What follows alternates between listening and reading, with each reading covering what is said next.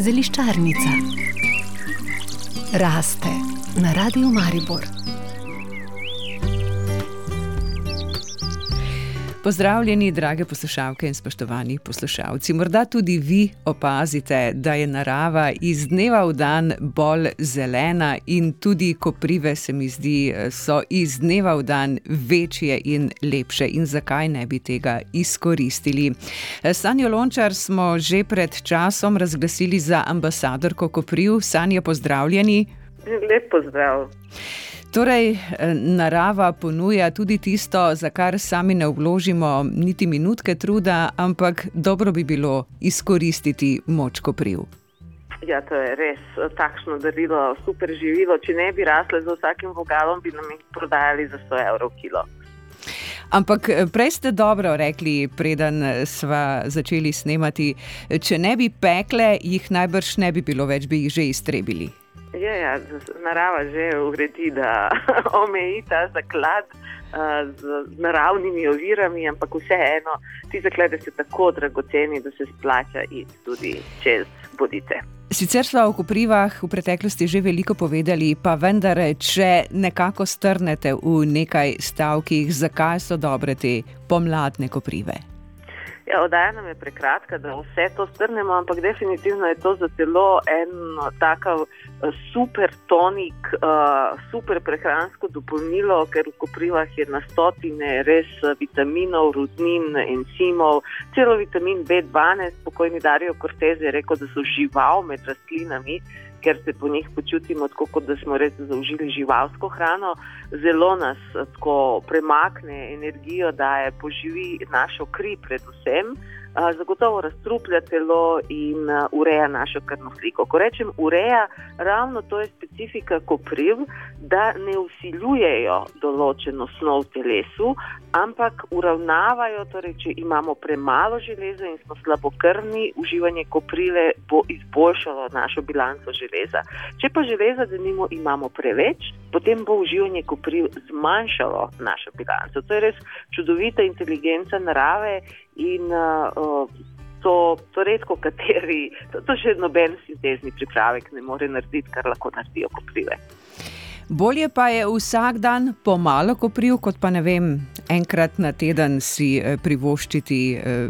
Absolutno, to je tako, kot je bolje vsak dan mečken hoditi, ko se pretegovati enkrat na teden. Dejansko je kopriva en notranji trener telesa in če pogosto uživamo ali čaj ali dodajamo v hrano, telo se preprosto uči, kako urediti presnovne procese.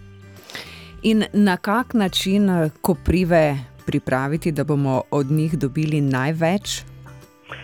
trenutno so najbolj aktualni listi.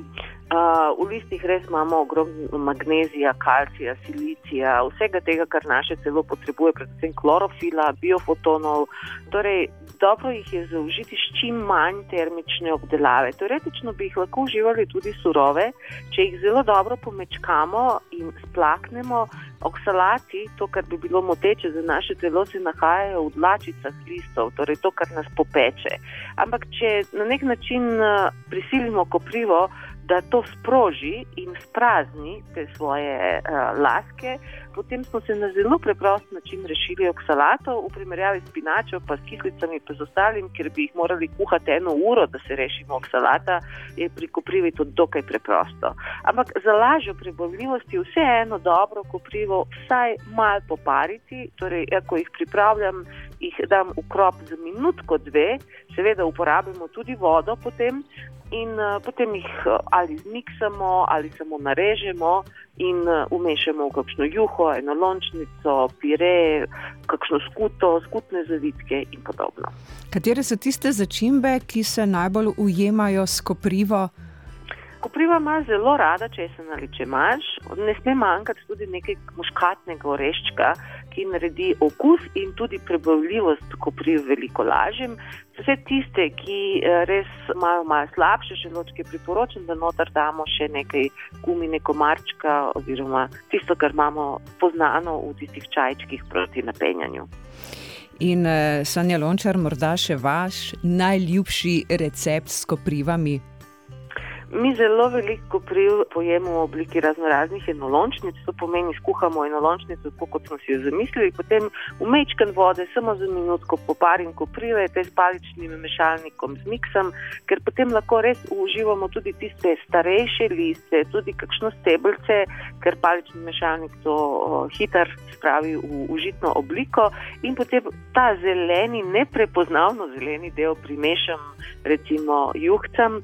Dobro je, da so te nolončnice tako, da vsebujejo nekaj sladkega, ker koprive so rahlo grenkaste, odlično se ujemajo s pastinjakom, korenčkom, vso to jušno zelenjavo, sladkim krompirjem ali krompirjem. Skratka, tu naj domišljija dela po svoje, naj nima meja. Hvala za tokrat. Upam, da se bodo poslušalci odpravili v neokrnjeno naravo in tam nabrali zelene dele kopriv in si jih pripravili po svoje. Lepo se imejte do danes teden. Hvala lepa. Zeliščarnica raste na radiju Maribor.